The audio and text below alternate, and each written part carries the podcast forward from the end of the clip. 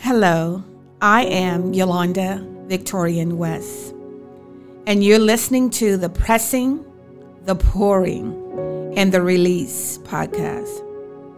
I'm going to be sharing with you my story that I've kept kept in for many years, and it was places where I had my very, very lows. There were places I had my highs, and there was places I had many victories. I am going to tell you my story for God's glory only because it was Him that brought me out. So I want you to come in and join me and let's share together.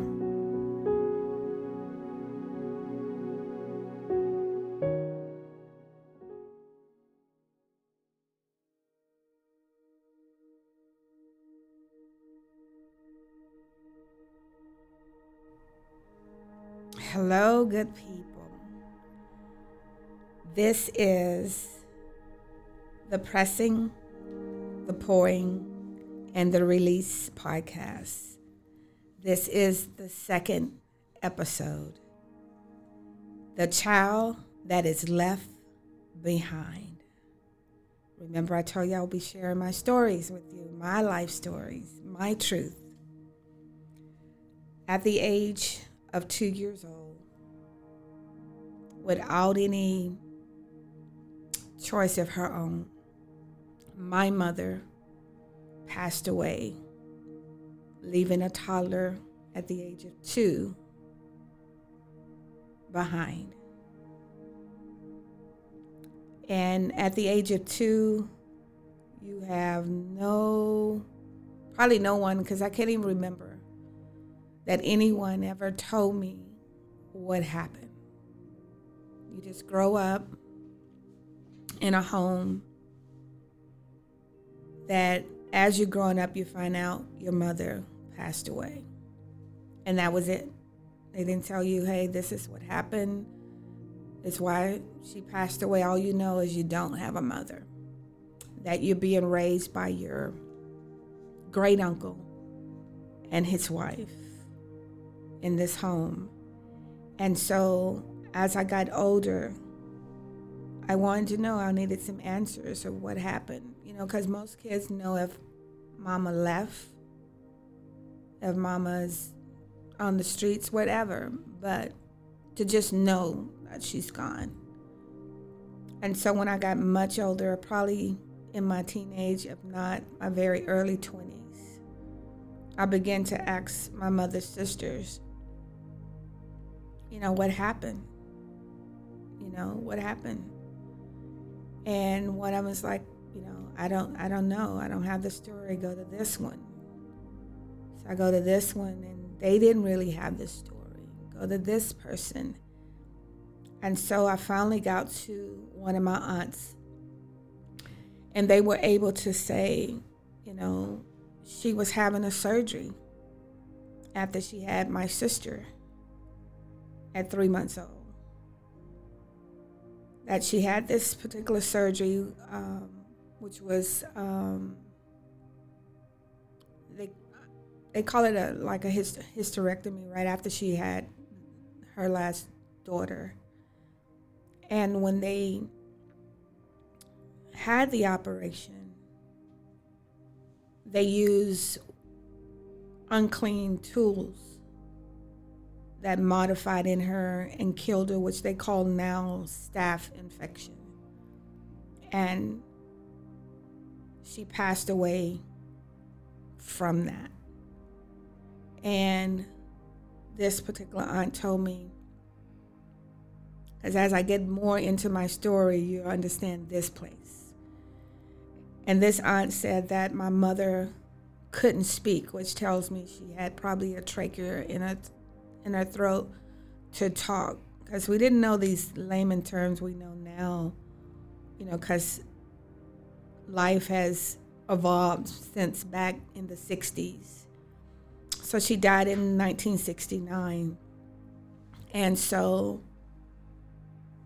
she had to write her, her dying requests for her daughters that she wanted her children to be raised by one of her brothers or sisters, which I believe she had six or seven more brothers and sisters. And her dying request did not get carried out, as I can say that, because we end up being raised in the home that she was raised in when her mother and father passed away. And so, growing up without a mother, because I don't want to get up, eh, you know, ahead of myself for as the home I grew up in, but I want to tell you about a motherless child or a child that is left behind without a mother. And not having, I only know it now, but not having that motherly love given to you or that mother hugs, uh, that mother's attentive ear that is listening to whatever you're going through. So that was me, a child that was left behind without a mother and taken by someone else. And and you know what? Grateful for it, right? But no one can love you like your mother. No one can even get on you or fuss at you with a different tenderness of your love for you like your mother. And so um, my place there of longing for a mother.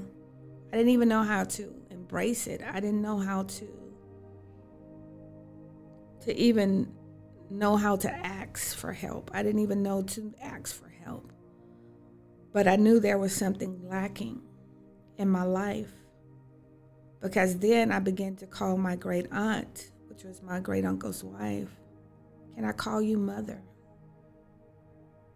And I don't even remember the answer, but I remember calling her that. Because within a child, whether your mother passes away, would have, you know, was not her fault, that motherly desire for a mother is always there.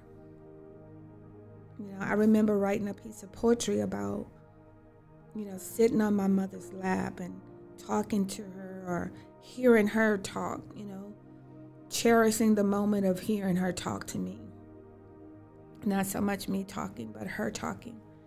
And saying, you know, the sweet voice of your mother, the love in your mother's voice, the caring in your mother's voice, just to keep hearing it and never wanting it to stop. So I don't know what it's like to hear her voice. I don't know what it's like to feel her embrace. And I, did, I don't know, right? But in that, being a child that was left behind or uh, a child without a mother, I became that, not only to mine, but to many others.